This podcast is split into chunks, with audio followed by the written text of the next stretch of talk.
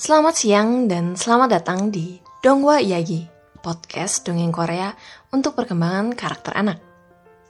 Pada series pertama ini, saya, Ines dari KKN UGM Malang Jiwan Klaten, akan memberikan edukasi sekaligus penggambaran pada ayah bunda mengenai bagaimana mendongeng dapat mengembangkan karakter si buah hati. Pertama-tama, mari kita ulik sebenarnya apa itu dongeng? Menurut Kamisa 1997, dongeng adalah suatu bentuk karya sastra yang ceritanya tidak benar-benar terjadi atau fiktif, yang sifatnya menghibur dan terdapat ajaran moral yang terkandung dalam cerita dongeng tersebut. Yang paling penting nih, ayah bunda, dongeng adalah sebuah cerita dengan penggambaran yang lebih jelas namun sederhana mengenai nilai-nilai kehidupan yang ada.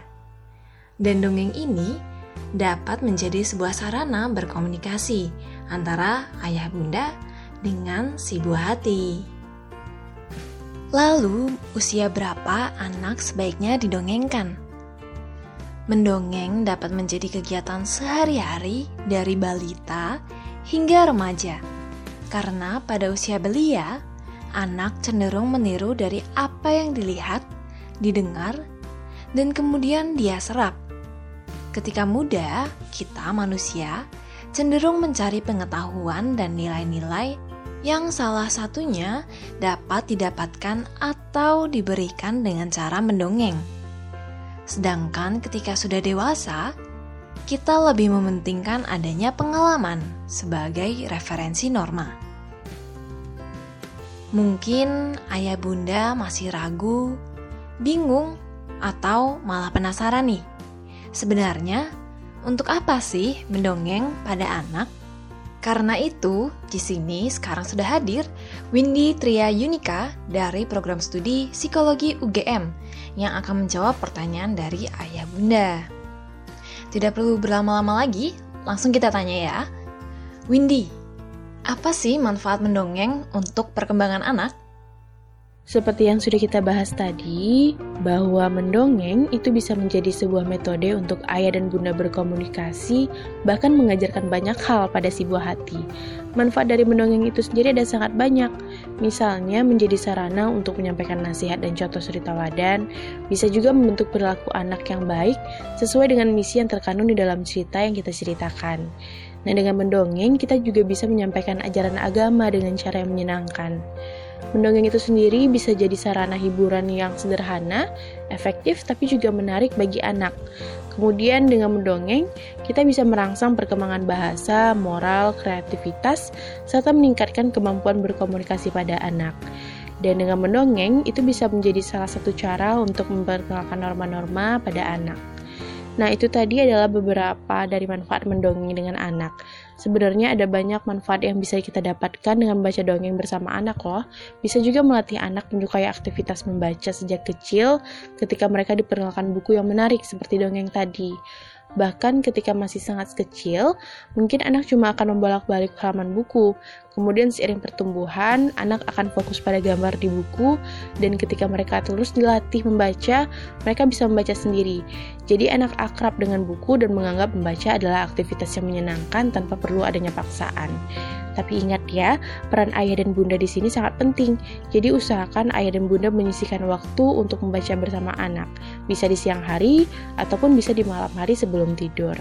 Wah, banyak sekali ya ternyata manfaat mendongeng pada anak. Baik Windy, terima kasih banyak untuk informasinya yang membukakan mata kita semua tentang mendongeng. Sama-sama, semoga bermanfaat. Berarti ayah bunda tidak perlu ragu lagi untuk menjadikan mendongeng sebagai salah satu sarana berkomunikasi dan kegiatan yang bisa mendidik si kecil. Di awal tadi kita sudah menyebut tentang perkembangan karakter anak. Nah, karakter apa sih yang dimaksudkan di sini? Menurut Desi tahun 2012, pendidikan karakter berhubungan dengan perilaku. Perilaku berhubungan erat dengan pola pikir dan emosi manusia.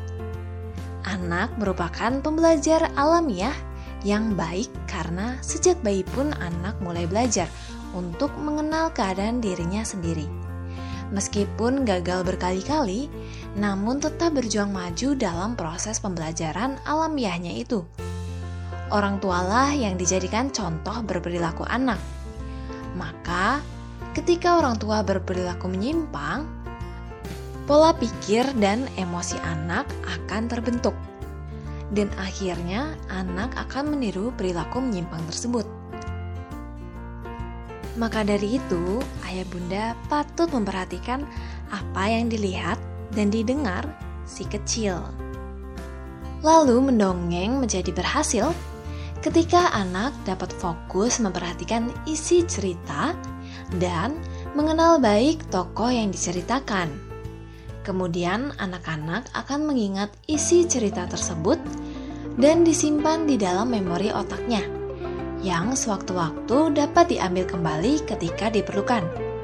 Setelah itu, anak-anak akan menerjemahkan memori cerita yang ada dalam otaknya dalam bentuk tingkah laku, di mana tingkah laku ini berdasarkan pada motivasi diri yang juga diperolehnya dari pesan dongeng yang disampaikan. Berikutnya, cerita apa sih yang harus dipilih untuk mendongeng pada anak? Ini juga hal yang penting untuk dibahas.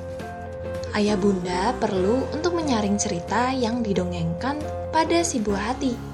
Tentunya dongeng dengan nilai-nilai atau norma yang dapat membantu anak dalam menyikapi suatu masalah nantinya. Seperti adanya nilai juang dalam cerita, nilai kejujuran, mungkin juga kecintaan pada tanah air, kemurahan hati, dan banyak lagi ayah bunda bisa memilah dan memilih cerita yang dirasa sesuai untuk tumbuh kembang si kecil. Lalu, bagaimana dengan podcast ini? Mengapa menggunakan dongeng Korea? Tentu bukan karena tidak cinta kekayaan budaya Indonesia. Ayah bunda masih bisa memberikan bacaan atau mendongeng dengan cerita dongeng Indonesia. Akan tetapi, di series berikutnya dalam podcast ini, akan ada dongeng Korea. Salah satu alasannya adalah untuk memperkenalkan budaya Korea, sekaligus menjadikannya sebagai sarana yang menyenangkan dan bermanfaat bagi yang mendengarkan. Nah, itu tadi penjelasan penuh manfaat mendongeng, beberapa informasi perihal mendongeng untuk perkembangan karakter anak, sekaligus penutup dari series pertama kami. Semoga bisa bermanfaat untuk ayah bunda dan di series berikutnya, kami akan mendongeng untuk si kecil. Tunggu kami di series berikutnya ya. Sampai jumpa di Donghua Iyagi, podcast dongeng Korea untuk perkembangan karakter anak.